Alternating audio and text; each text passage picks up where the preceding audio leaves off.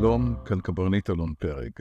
אנחנו ממשיכים בסדרת שיחות עם משתמשי סימפליפליי כדי ללמוד מניסיונם. כמובן שאנחנו בקשר עם משתמשים רבים, מקבלים משוב ומתקנים בהתאם, אבל החידוש כאן הוא שאנחנו משתפים אתכם בשיחה, כדי שתוכלו להפיק לקחים. את חיה איני מכיר, קיבלתי ממנה מסר אחרי שתי טיסות, שעיקרו איך היא השתמשה בסימפליפליי כדי לנצח את פחד הטיסה, ועל החוויות שלה נדבר היום. כמובן שהודיתי לה על המשוב, ולשמחתי חיה הסכימה להשתתף בהסכת הזה ולספר על העליות והירידות. פודקאסט של סימפליפליי. מתחילים. חיה, שלום ותודה שאת איתנו. היי, מה נשמע? אה, נהדר. תודה שהגעת הנה. ספרי לנו בבקשה קצת עלייך ועל פחד הטיסה שלך. אה, אני סטודנטית בבית שאי עכשיו, אה, והאמת שהפחד הטיסה שלי, מאז שאני זוכרת את עצמי, מאז פעם ראשונה שעליתי למטוס, שזה היה בגילי יסודי, כיתה ה', אה, אני זוכרת שלפני הטיסה ככה אבא שלי סיפר לי שאנחנו הולכים לטוס ושיהיו רעידות ולא להתרגש מזה, ומאז אני זוכרת את הפחד טיסה שלי, ומאז זה לא הפסיק. אוקיי, אז את מאלה שזה היה לך תמיד? יש, יש כאלה שזה מגיע להם פתאום בהפתעה באמצע החיים. תמיד היה לי, תמיד בעוצמות גבוהות, אני לא, לא זוכרת טיסה שלא היה לי פחד ממנו. נכון, אני גם מכיר את זה שהרבה אנשים מדווחים על זה שהפחד הולך ומתגבר עם השנים, בגלל שתמיד אנחנו מגיעים עם הזיכרון של הטיסה הקודמת, ואז אנחנו כבר מצפים שיהיה רע, ובאופן מפתיע זה גם אה, נעשה רע. נכון. אולי נחזור למעגל קסמים העצוב הזה. ואז בסביבות אפריל השנה, 2022, גילית את סימפליפליי. איך זה קרה ומה עשית? האמת שגיליתי עוד לפני. אני זוכרת, ש...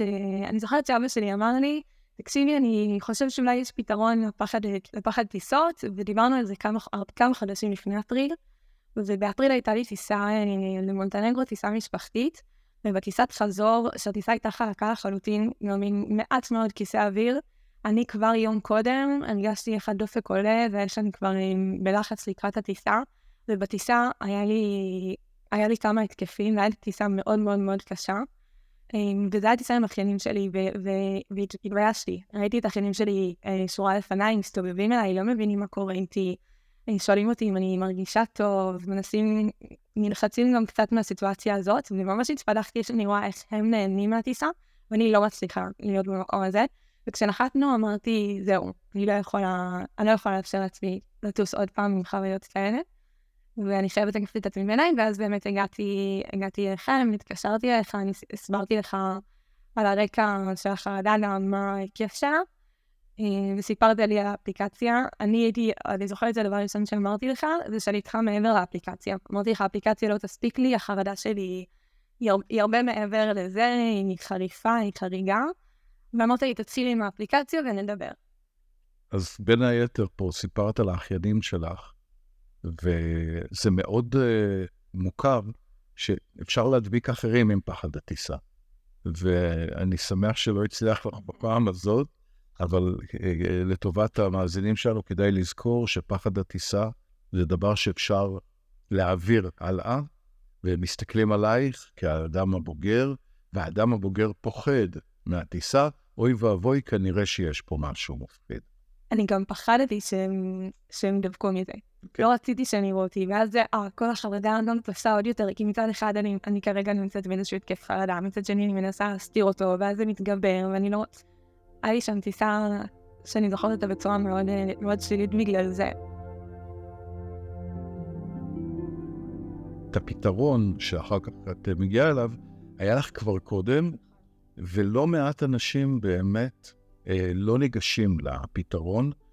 חלקם אני יודע שלא מאמינים שאפשר לעזור להם, חלקם נאחזים קצת בפחד מסיבות שאני כטייס ולא כמטפל, לא, לא יודע להבין אותם עד הסוף, אבל היה לך פתרון, לא ניגשת אליו עדיין, עד שאמרת עד כאן, אה, ובאמת אה, שוחחנו, והצעתי לך לעשות את זה באפליקציה. ואז מה היה? ואני קודם כל הרגשתי ש...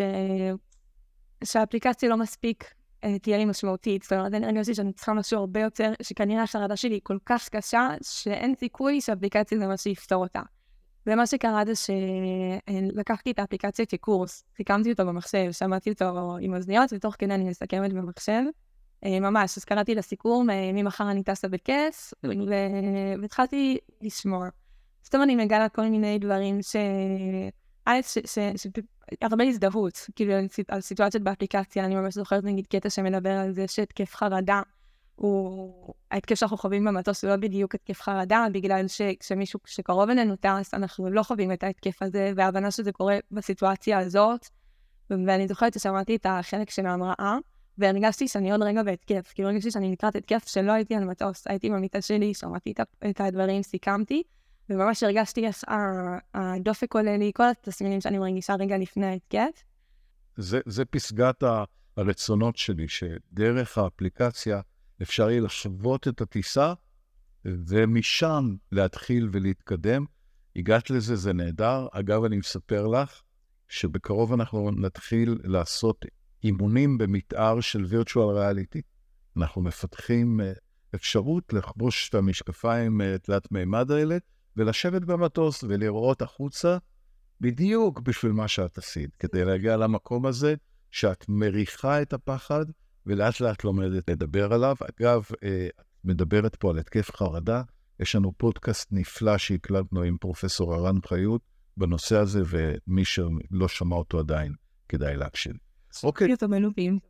אה, כן, יופי. את עוברת על הקורס כמו סטודנטית אה, מצטיינת, ו... ואני מגלה בו המון ידע, הרבה דברים של, שלא ידעתי, ושאני מבינה שכנראה גם בגללם, שהיה לי חסר הרבה הרבה ידע, היה לי חסר הרבה הבנה של איך הדבר הזה עובד, תמיד הסתכלתי על זה כאיזשהו נס מפלצתי, לא ברור, מאוד רחוק ממני, אה, ופשוט הידע התחיל להגיע, וגם הידע לצד הרבה הרבה עצות של, של מה עושים עם הפחד, הרבה הכלה, כאילו תמיד התביישתי בו, ופתאום קצת היה לי מקום שמאפשר לפחד להיות, זאת אומרת, הוא קיים. איך אנחנו אמ, מתנהגים איתו, איך אנחנו מנמיכים אותו, מקטינים אותו, אבל כאילו תמיד התביישתי בפחד הזה שהיה קיים, ופתאום זה נותן איזושהי לגיטימציה. זאת אומרת, למה זה הגיוני שיש לנו את הפחד הזה, ומה אנחנו עושים כדי שהוא לא יהיה, או שיהיה פחות, או שנדע פשוט איך להתייחס אליו.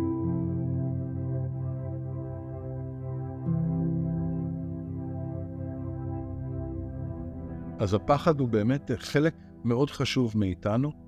הוא אגב לא הולך לשום מקום, גם אחרי שמתגברים עליו, ואחת החוכמות הגדולות שהגעת אליהן לבד, זה לא להאשים את עצמך ואז את פותחת לעצמך את היכולת להכיל אותו, כמו שאת. כן, שזה גם לא היה פשוט, אני חושבת שהשארתי את עצמי המון שנים, התביישתי בטיסות שלי, התביישתי, אנשים מי מכירים אותי בטיסות, כי הייתי מהנושאים שיוצא להם צרחה לפעמים, שמסתובבים עליהם את הראש, וזה היה מאוד מאוד מביך. ממש התביישתי בזה, גם, ש... כאילו, גם בתור ילדה, אבל גם עכשיו, כאילו, זה נורא מביך שמסתובבים עליך את הראש, אני זוכרת שפעם אחת רופא ניגש אליי, בטיסה לפני שנה, לפני שנה רופא ניגש אליי, ושאלתי אם אני בסדר, וזה כל כך הביך אותי, כי... א', אני לא בסדר, ב', אני לגמרי בסדר, אבל אני פשוט נמצאת באיזושהי חרדה שאני לא יודעת איך להתמודד איתה. ושאני חכה שהטיסה תעבור.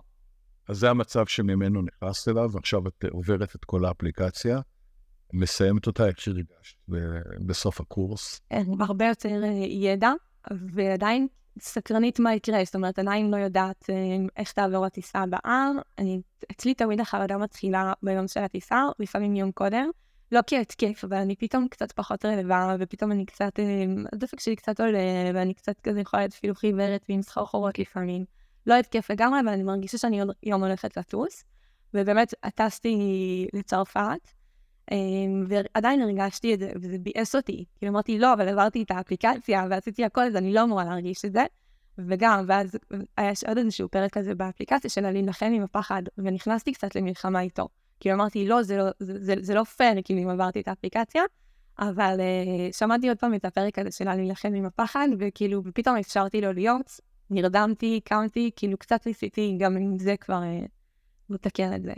מעולה. אז אנחנו נמצאים כאן במקום שבו סיימת את הקורס, יש לך ציפיות מאוד גבוהות, את נוסעת, וזה לא מממש את כל הציפיות. זה עדיין יותר טוב, נכון. אבל זה לא מממש את כל הציפיות. ו, וזה באמת אחד מהדברים, עוד דבר מאוד חשוב שצריך לזכור. הפחד לא נעלם מיד. זה איזשהו תהליך. ואת בדיוק היית בתהליך הנכון. הלכת עם ציפייה יותר טובה, ובאמת היה יותר טוב, אבל הוא לא נעלם. הוא גם יחזור מדי פעם בעתיד, אגב. כל מיני אה, אירועי חיים או דברים כאלו, הוא יחזור. ובאמת, לקבל את הפחד ולהגיד, אוקיי, הוא הגיע, זה לא נורא, ניצחתי אותו פעם אחת, אני אנצח אותו גם הפעם הזאת. אז חזרת, כן. ועכשיו מגיעים לטיסה ארוכה יותר. אה, אז מן הסתם חשש הרבה יותר גדול. זה לא פעם ראשונה שרציתי טיסות אה, לארצות הברית, אבל אה, גם חשש יותר גדול, גם הידע שזה עזר לי, אבל שלא לחלוטין, אז עוד יותר איזשהו רצון שזה יתגבר. אה, בטיסה שלפני לצרפת אה, החלטתי כן לקחת אה, כדור הרגעה, הייתי לקחת כדורי הרגעה בטיסות, וגם עכשיו החלטתי לקחת לפני ארצות הברית. ובעצם אני אגיד גם האפליקציה עצמה תוך כדי הטיסה, שזה היה דבר שמאוד מאוד עזר לי. זאת אומרת, ממש להקשיב לקטעים הקצרים של ההמרה עצמה, ושל השיוט, ושל כל רגע להקשיב למה שקורה. זה מאוד מאוד עזר לי, כאילו ההבנה ש, שאתה אומר אם המטוס עדיין לא הרים, אז זה בדיוק השלב שהוא מרים את הגלגלים, ופתאום כשאתה אומר שעכשיו נשמע צליל, ואני אשכרה שומעת את הצליל הזה, ואני אומרת, אני, אני שולטת במה שקורה פה, אני יודעת כל דבר מה קורה. אני יודעת מה, תמיד, אני, אני הייתי בטוחה שהצליל הזה זה משהו לא תקין, המטוס אה, עומד רגע, עומד לחזור לשדה. תמיד הייתי נורא נלחצת מהצליל הזה, לא הייתי מבינה שהצליל הזה הוא בעצם סימן לדיילים שאנחנו באוויר, וזה, ופתאום הרגשתי שאני שולטת, אני יודעת כל, כל הזמן מה קורה. ו... והצלחתי, ככה, הצלחתי להסתכל מהחלון, שזה משהו שהייתי תמיד מסתכלת, פוזלת, מסתכלת וחוזרת להסתכל על הכיסא, הייתי תמיד מאוד מאוד דרוכה. אמ, ושמעתי, את, ופה ממש שמעתי, הייתי מאוד כאילו פעילה באפליקציה תוך כדי הטיסה, לשמוע את הדברים, הרגשתי פתאום איזשהו, כשאני נכנסת לכיס אוויר, אז ישר שמתי את הפרק של כיס אוויר, אפילו פעם אחת ביקשתי מהדיילת כוס מים כדי uh, לנסות לעבוד בהם. וניסיתי כל הזמן לעבוד על זה, כאילו פתאום הרגשתי, הרגשתי עוד שיפור, ממש. הרגשתי עדיין עם כדור הרגעה, עדיין היה, אה, כאילו לא בדיוק התקף, אבל עדיין היה לחץ, עדיין היה זה, אבל, אבל הרבה יותר טוב.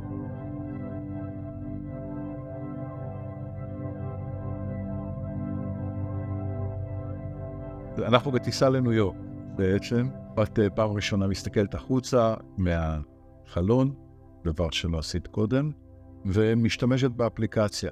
אגב, באמת, אה, הרבה אנשים סיפרו לי שדווקא באוויר יותר נוח להם להקשיב ולא לצפות בווידאו, אה, וההקשבה עושה כמה דברים. האחד, מאוד פשוט, היא מחזירה את הידע. היא קוראת לנו בחזרה לידע. והדבר השני, מכיוון ששומעים עוד פעם את אותו קול על אותו דבר, זה משחזר את חוויית ה- היכול, היכולת, המסוגלות שהייתה לך כשראית את הקורס, ולכן זה, זה מאוד אפקטיבי וזה נהדר. יש אנשים שמספרים לי שהם פשוט שומעים את כל האפליקציה בלופים, כל הטיסה, כבר לא משנה מה נאמר שם, אבל זה מחזיר להם את התחושה, את ההרגשה הזאת של אה, לדעת מה קורה. והדבר השני שאת אה, מתארת פה, וזה ממש אחד מליבות הרצון שלנו, זה לתת לך יכולת להרגיש שאת בשליטה. את יודעת מה קורה. כלומר, את לא יכולה עדיין לנהוג את המטוס, צעירה את עדיין יכולה ללמוד. אבל את כן יודעת מה המשמעות הזאת, שאיך שהמטוס מתנתק מהקרקע יש דינג אחד, וכמה, עד דקה אחרי פתאום רעש המנועים נחלש, ואת יודעת שזה הולך לקרות, ואת יודעת מה המשמעות של זה, זו, זה סוג של ש... אני גם חושבת שבטיסה לניו יורק, ההמראה, תמיד ההמראה זה השלב שהכי קשה לי, תמיד mm. בהמראה זה השלב שמתחיל, כאילו אני מתחילה עם ההתקף, תמיד גם בהמראה לארצות הברית, מה שלי תמיד היה קורה זה ההבנה שיש עוד כל כך הרבה זמן עד שאני אהיה שוב על הקרקע ושאני אהיה שוב בשליטה, שהתקפים כאילו התעצמו תמיד בטיסות האלה. לא מתוך מקום של כאילו טיסה ארוכה, כמו יותר ממקום של טיסה ארוכה זו הזדמנות להמון התקפי חרדה. כאילו כנראה שהסיוט הזה יהיה מאוד מאוד ארוך. ופה באמת בהמראה, זה אני חושבת שההמראה הייתה לי, ההמראה הכי טובה שהייתה לי, דווקא בגלל כל הידע שהיה לי. ואז, כאילו, זה כבר עשה לי איזשהו ספתח לטיסה הרבה יותר טובה. ש, שאני אגיד, כן, גם בה היה לי, היה, היה רעידות, וגם בה אה, היה לי עוד, כאילו, עדיין לפעמים הייתי, התעוררתי פתאום, וכאילו, לא, לא נרדמתי, אבל התעוררתי, כשאני אומרת התעוררתי, הכוונה היא שפתאום כזה דריכות כזאת של אה, אנשים שיכולים התקף חרדה, שהם פתאום נאחזים בכיסא, מעירים את ה... לא יודעת מי שהם טסו איתם, וכאילו מין כזה פרצוף מבוהל. אה, אני עושה את זה פה, אה, אני מדגימה את זה, אבל מי שישמע אותנו לא יבין, אני בטוחה שמי שחווה התקף חרדה, אם מבין למה אני מתכוונת, עדיין זה היה, אבל הכל היה במינונים הרבה יותר נמוכים, ובעיניי, אחד ההצלחות בטיסה הזאת ספציפית, לא צעקתי, כאילו זה תמיד ההתקפים גורמים לי לצרחה קטנה. ולא צעקתי בטיסה הזאת, אנשים לא ידעו שיש לידם מישהי שסובלת מהתקף חרדה, שבשבילי זה די הרבה. זה אה, לא עשית עניין גדול מזה שעדיין יש לך אה, סימנים של חרדה, נכון. אבל אז מגיעה טיסה יותר קשוחה מניו יורק לקוסטה ריקה. איך זה היה? אז קוסטה ריקה זה אזור שיש בו, אני מזג אוויר די בעייתי, ככה הסבירו לנו את זה. אמ, ואני זוכרת שהטיסה מ... כאילו ביום שטסנו מניו יורק לקוסטה ריקה, היה מזג אוויר משוגע גם בניו יורק. ותמיד אני, כשאני נכנסת למטוס, תמיד אני שואלת את הדייל איך מזג האוויר בא, כאילו איך, איך מזג האוויר עכשיו. כאילו זה באמת רלוונטי, הרי מן הסתם עם כיסא אוויר, אם המטוס טס אז בטוח שמזג האוויר מאפשר טיסה, אבל לא יודעת, תמיד אני מרגישה שאני צריכה את הביטחון הזה לשאול את דייל איך מזג האוויר אם יהיו כיסא אוויר, כאילו להתכונן למה שיקרה. והוא אמר לי, ברור שהיא כיסא אוויר, כמו תמיד, ובטח כבר טיסה לקוסטה ריקה. אה, וגם אני זוכרת שקראתי אה, הרבה אה, תגובות על קוסטה ריקה, שהרבה פעמים המטוס לא מצליח לנחות בנחיתה ראשונה, וכמו שיש הדגמה כזאת בפודקאסט, לא בפודקאסט, באפליקציה, סליחה, שהוא יורד ורואה איזשהו, זה, וממשיך להמריא, וזה חוויה שאף פעם לא חוויתי. אז קודם כל אמרתי, מזל שראיתי את זה באפליקציה, אני יודעת שזה דבר שהוא אפשרי, אבל גם זה אמרתי כאילו שזה כנראה מאוד מאוד ילחיץ אותי. הכל ביחד אמרתי שהטיסה לקוסטה ריקה זה באמת איזשהו... אה, צעד אמיץ. וזהו, טסנו לקוסטה ריקה, בהתחלה היה סביר, ככל שהגענו יותר לאזור קוסטה ריקה, אה, התחילו קפיצות, והייתה קפיצה אחת שממש כל המטוס אה, צעק, לא רק אני, ובאמת בהתחלה הייתה לי צעקונת, אבל מהר מאוד שלטתי בה. כאילו, כן יצאה לי צעקה, אבל הצלחתי, מהר שמתי את האוזניות, מהר חיברתי את האפליקציה, והצלחתי מאוד להיכנס, שמעתי מהשלב הזה את הנשימות, גם את הפרק על הכיסא האוויר וגם נשימות, ותרגלתי נשימות, ונרדמתי תוך כדי, כאילו שזה היה, ואנחנו באמצע רעידות, המטוס ליד אנשים בלחץ, מי שיושב לידי מסתכל על, על כולם, אני רואה כאילו את הפחד בעיניים שלו, והצלחתי להירדם. אה, ובדיעבד, שהיינו ממש שתי דקות לפני נחיתה, אז אני גם רואה שהיה את המסך על המושב, אז יכולנו לראות כאילו את המסלול של הטיסה. ואני רואה שתי דקות לפני נחיתה שהמטוס עשה ממש סיבובים באוויר, ובכלל לא ידעתי את זה כי, כי נרדמתי. כן. נרדמתי כאילו מהתרגול של, מהתרגולים ומהנשימות ומהכל, וכאילו פעם זה היה השלב שכנראה הייתי את שמע ישראל וברכת תהילים בשלב הזה. בכלל, טיסה באזור uh, קו המשווה היא, היא יותר קופצנית. אם, אם אנחנו טסים לקוסטה ריקה, או טסים מישראל לדרום, לחצי הכדור הדרומי, באזור שחוצים את קו המשווה, לפעמים יכולים להיות אה, אה, כל מיני עננים גבוהים שמגיעים לגובה, או יכולות להיות מערבולות. דבר ידוע. אה, קוסטה ריקה, לא הייתי עדיין, ספרי לי בהזדמנות, אבל אה, בהחלט יכול להיות ששם יש משטר רוחות או דברים כאלה, אה, וההכנה המוקדמת היא טובה, היא בסדר גמור, אבל כאן אנחנו רואים אה, הדגמה מאוד מאוד טובה ועוצמתית של איך להיחלץ ממצב של פחד. יש פחד, את קוראת לידע, אה, חוזרת ל, ל, לדרך שהגדרת לעצמך, תרגילי הנשימות או תרגילי ההתרגעות, המיינדפולנס שיש לנו כאן באפליקציה, הם מאוד יעילים בדברים האלה. הצלחת להירדם, זה מגיע לך צל"ש בהחלט. כן, ואני אגיד גם שזו הייתה טיסה שעם חברה זרה ולא ישראלית, שזה גם תמיד איזשהו אקט. אני תמיד מעניפה לטוס עם חברות ישראליות מבחינת, גם מבחינת החרדה, עוד סיבות, אבל גם מבחינת החרדה. לדעת שזו השפה שאני מדברת, לדעת שאני יודעת מה קורה, ופתאום זה גם חברה זרה שזה עוד יותר מוסיף, כאילו, אני מבינה אנגלית, אני יודעת אנגלית טוב, אבל כשמדברים איתי אנגלית אני בזמן לחץ, והטייס בסך הכל כנראה אמר שהוא מסתובב באיזושהי סיבה. אני, בעצם זה שהוא דיבר, מה, מה, מה אומר לי, מה הוא מספר לי, אז זה גם חלק מזה שהרגשתי שזה היה שיפור.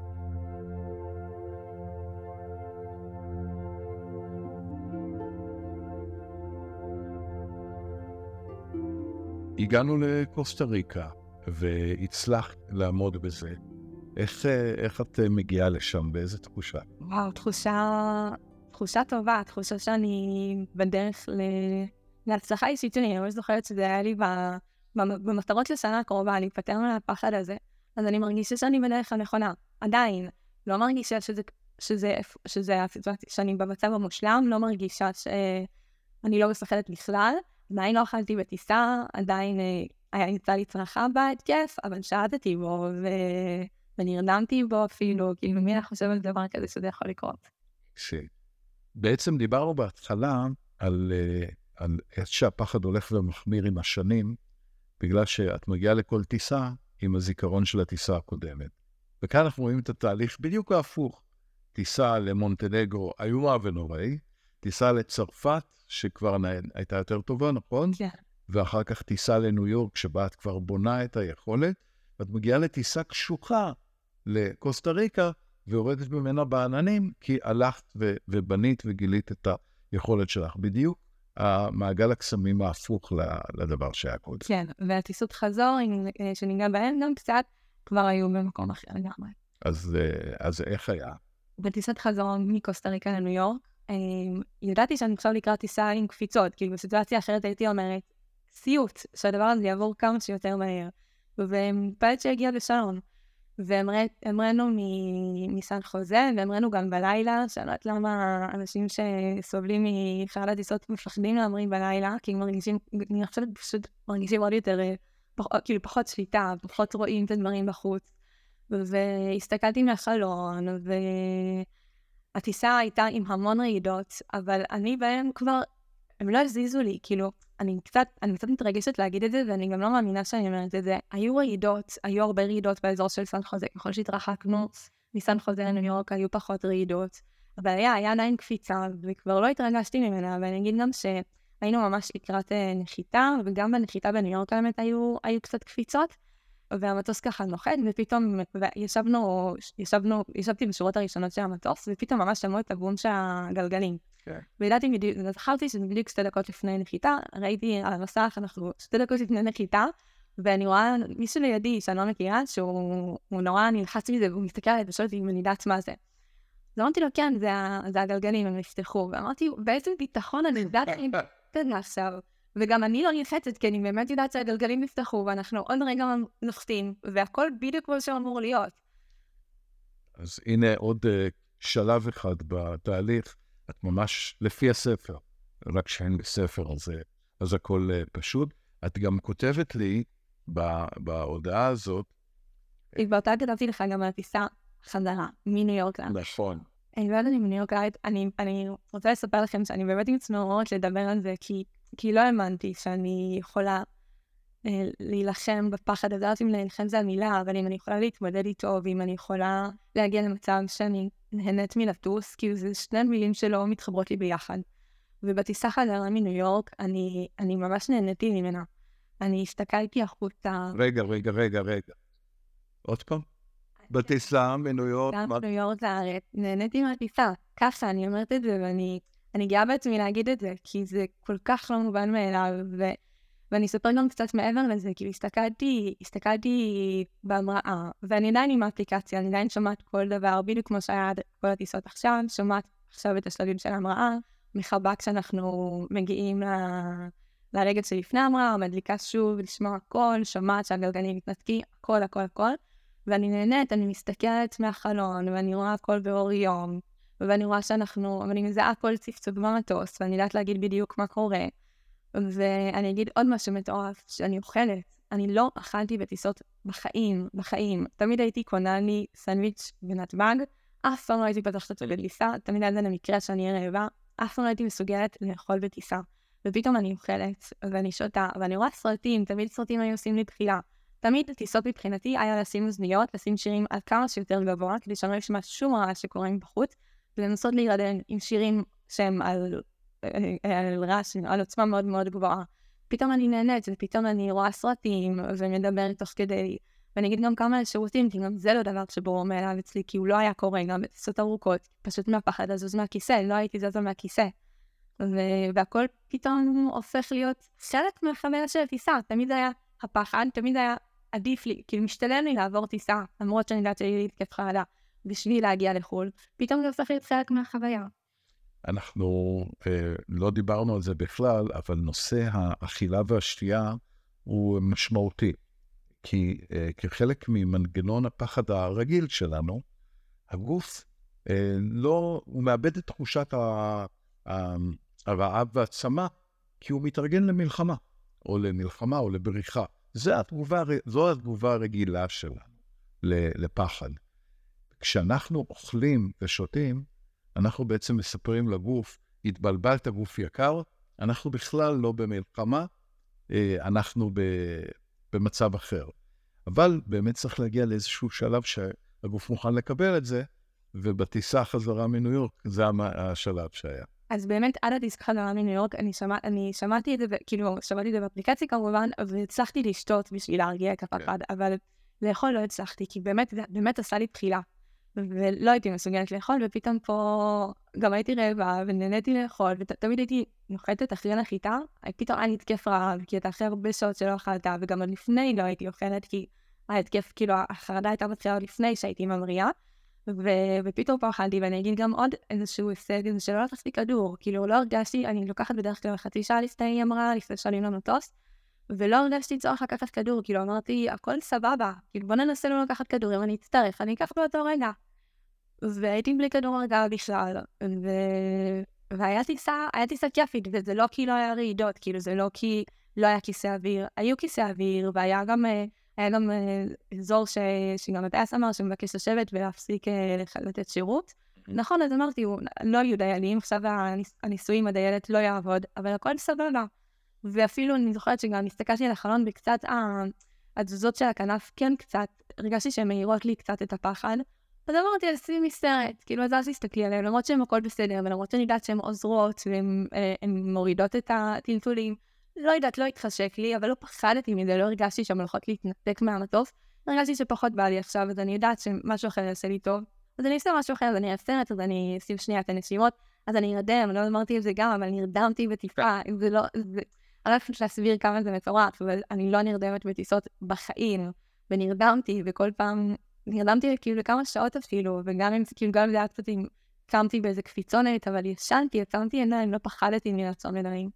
את מעלה פה את uh, הנקודה של תרופות. תמיד אני נוהג להגיד לאנשים שתרופה או איזשהו כדור להרגעה, הוא לא מרפא את פחד הטיסה. במקרה הטוב, הוא מאפשר לנו להיות מספיק רגועים כדי לקלוט ידע, כדי לשלוט במצב. אז אם אתם רוצים לקחת איזשהו כדור הרגעה, א', התייעצו עם uh, רופא מטפל מוסמך, וב', אל תבנו על זה שכדור ההרגעה ירפא את פחד הטיסה, וג', אולי הכי חשוב, אל תסממו את עצמכם, גם כדי שתהיו נוכחים ב... ותוכלו להתמודד, וגם שאם צריך שתפעלו, שלא תהיו uh, זומבי. אנחנו נקליט פודקאסט מיוחד על הנושא של תרופות ואיך uh, להתייחס אליהן. אני אגיד בהערת uh, סוגריים, זה שאף פעם uh, הכדור לא, לא מנע התקף כשהוא היה. ובדרך כלל, מה זה בדרך כלל? תמיד חוויתי פחד מטיסה, תמיד גם הייתי לוקחת כדור, לדעתי, אצלי לפחות, במקרה שלי, זה היה קצת יותר פסיכולוגי מאשר באמת השפיע. כאילו לקחתי כדור, אני יודעת שיש איזשהו משהו שלקחתי שאמור להרגיע אותי. לא היה קשר בין לקחת כדור לבין האם יהיה התקף או לא יהיה התקף, האם יהיו כיסא אוויר או לא יהיו כיסא אוויר, איך אני אשלוט בהם. לא באמת היה איזשהו, זה לא באמת אחד דבר שהביא לשני, אני גם אגיד שלפני שנה, טסתי לפני שנה גם טיסה ל-LA, ולקחתי גם כדור שינה. וכאילו זה גם להתייעץ עם רופא כמובן, מה מותר, באיזה מינון, כאילו לא לקחתי אותם ביחד, אבל לקחתי כדור שינה ולא נרדמתי בכלל. לא היה שום קשר, כאילו הגוף שלי, להפך, הוא רק ניסה עוד יותר להילחם בו, עוד יותר זה, ואני כמובן עוד יותר נלחצת, אני גם לא מצליחה להירדם, ולקחתי כדור שינה, איך אני לא מצליחה להירדם?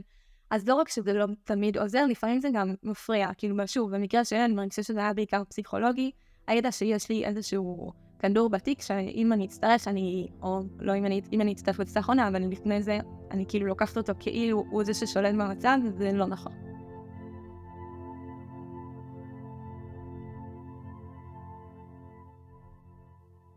חזרת לך מניו יורק, איך, אה, איך ההרגשה? וואו, אני באמת לא יכולה לתאר את זה, זה הרגשה של, זה הרגשה של הצלחה. אני גם אגיד, אה, אני אגיד שגם הצלחה של גאווה בעצמי. כן. אה, לא משהו שחשבתי שאני אצליח להתמודד איתו, לא משהו שחשבתי ש... שאני אצליח לדבר עליו ככה. וחזרתי, חזרתי באורות, חזרתי, וא' נהניתי מהטיסה, אז גם אם זה היה כיף, וחזרתי לא גמורה, תמיד אחרי טיסה, הייתי כל כך עייפה מכל המסע הזה שהגוף שלי עבר עכשיו, מכל המלחמה הזאת שעברתי עם עצמי, שפשוט הייתי, הייתי גמורה מעייפות, והייתי גובעת מרעב, והייתי חייבת שירותים, כאילו תמיד גם בסוף של הטיסה היה, הוא עוד סיים, כאילו הגוף שלי רק סיים לעכל את כל מה שהוא חווה עכשיו. פתאום נחתתי והכל בסדר, ואני לא גובעת מרעב, ואני לא חייבת לשירותים, ואני לא גמורה מעייפות כי ישנתי. ואני בעיקר שמחה, כי גם הטיסה הייתה לי כיפית, ואני שמחה להגיע בשלום, והכל ממש בסדר, ו... והנחיתה היא כיפית, כאילו פתאום אתה מסתכל החוצה, ואתה רואה את כל האורות, ואתה רואה את הבניינים, ואת המקומות שאתה מכיר, ואתה נהנה מזה, אתה לא רק, כאילו, אני לא רק עוצמת עיניים ומתפללת שהרגע הזה יחלוף. אני באמת נהנית מהטיסה, ו- ואשכרה מחכה לא לחופשה הבאה, לטיסה הבאה, כדי לחוות את זה שוב. שזה באמת ברמה של נס. ממש. אז איזה עצה את יכולה לתת למי שנמצא במקום הזה של אה, כלוא בתוך פחד הטיסה?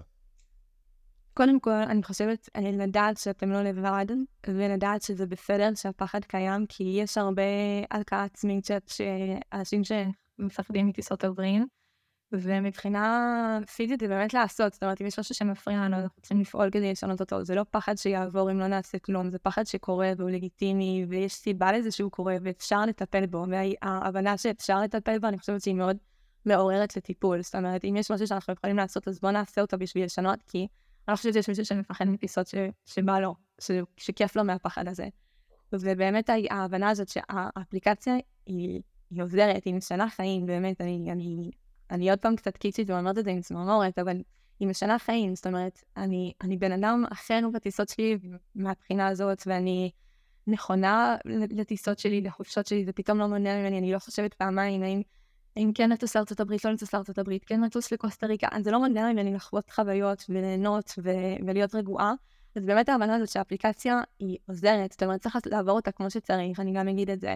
אני לא יודעת אם לסכם אותה כמו שאני סיגמתי, אבל ללמוד אותה בבית, לקחת מחשב, לשים אוזניות, לסגור את הדלת, כאילו לעשות אותה כמו שצריך, כמו כל קורס אחר. אמ, להוריד את התכנים שיהיו גם בטיסות עצמם, כי התכנים בעיניי הם פשוט עוזרים ברגע האמת בצורה מטורפת. אה, אז לעשות גם אותם, וגם לא להתרגש מזה שזה לא על הטיסה הראשונה. זאת אומרת, זה לוקח זמן, זה עוד טיסה ועוד טיסה ועוד טיסה, ופתאום מרגישים את, ה... את השיפור המשמעותי הזה. ו... וזהו, אפשר לטפל בזה, איזה מטורף, איזה כיף שיש, שיש לנו חרדה שאנחנו יכולים לטפל בה, וזה תלוי בנו. אם אנחנו רוצים לטפל בה, אז, אה, אז זהו, ברגע שאנחנו יכולים לזה, זה יקרה. האפליקציה היא ארגז כלים סגור שמונח לידך, וצריך משמעת ונחישות כדי להושיט את היד ולפתוח את ארגז הכלים ולהשתמש בהם. עד אז היא חסרת ערך לחלוטין. פעם שהשתמשת בה, אז את יכולה להוציא את עצמך משם.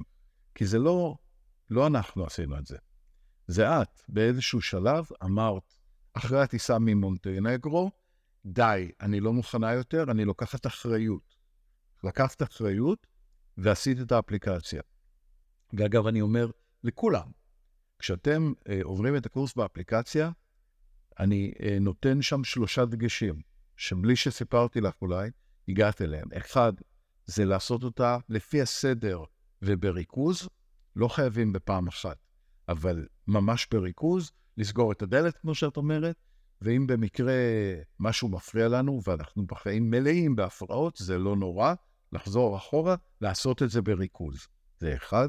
שתיים, לא להשאיר דברים שאנחנו לא מבינים. אם לא הבנו, אם לא הבנו משהו באפליקציה, לברר, לשאול, אה, לעשות צ'אט עם טייס, לשאול את השאלה ורק אז להמשיך הלאה.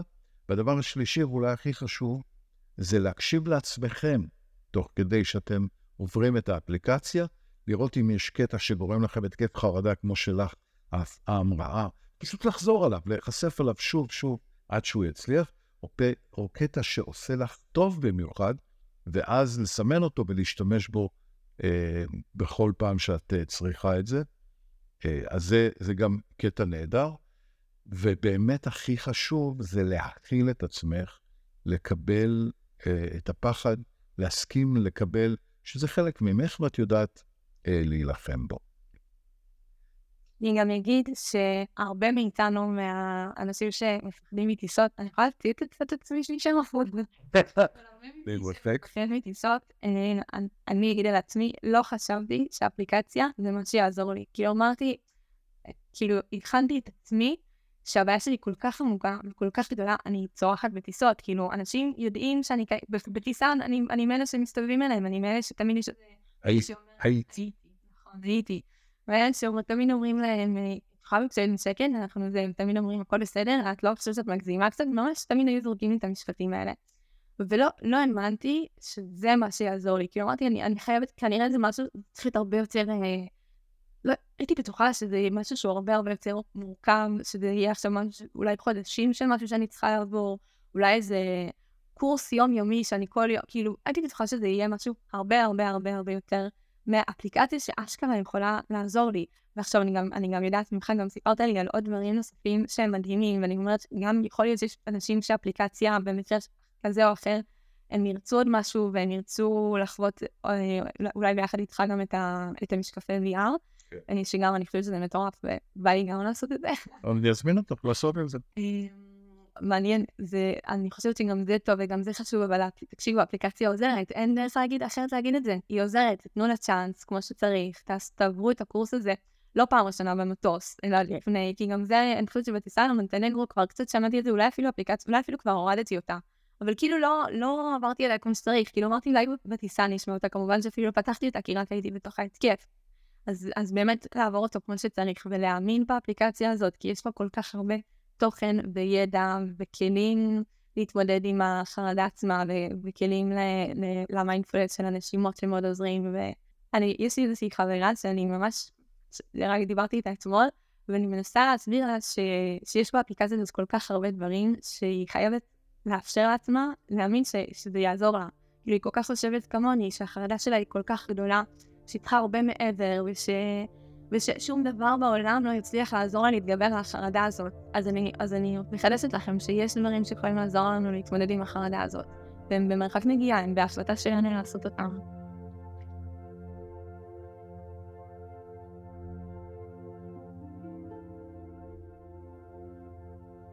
גם אני חושב שזה הישג עצום, והמוני אנשים יכולים לקחת את האפליקציה ולהוציא את עצמם מהמקום הזה.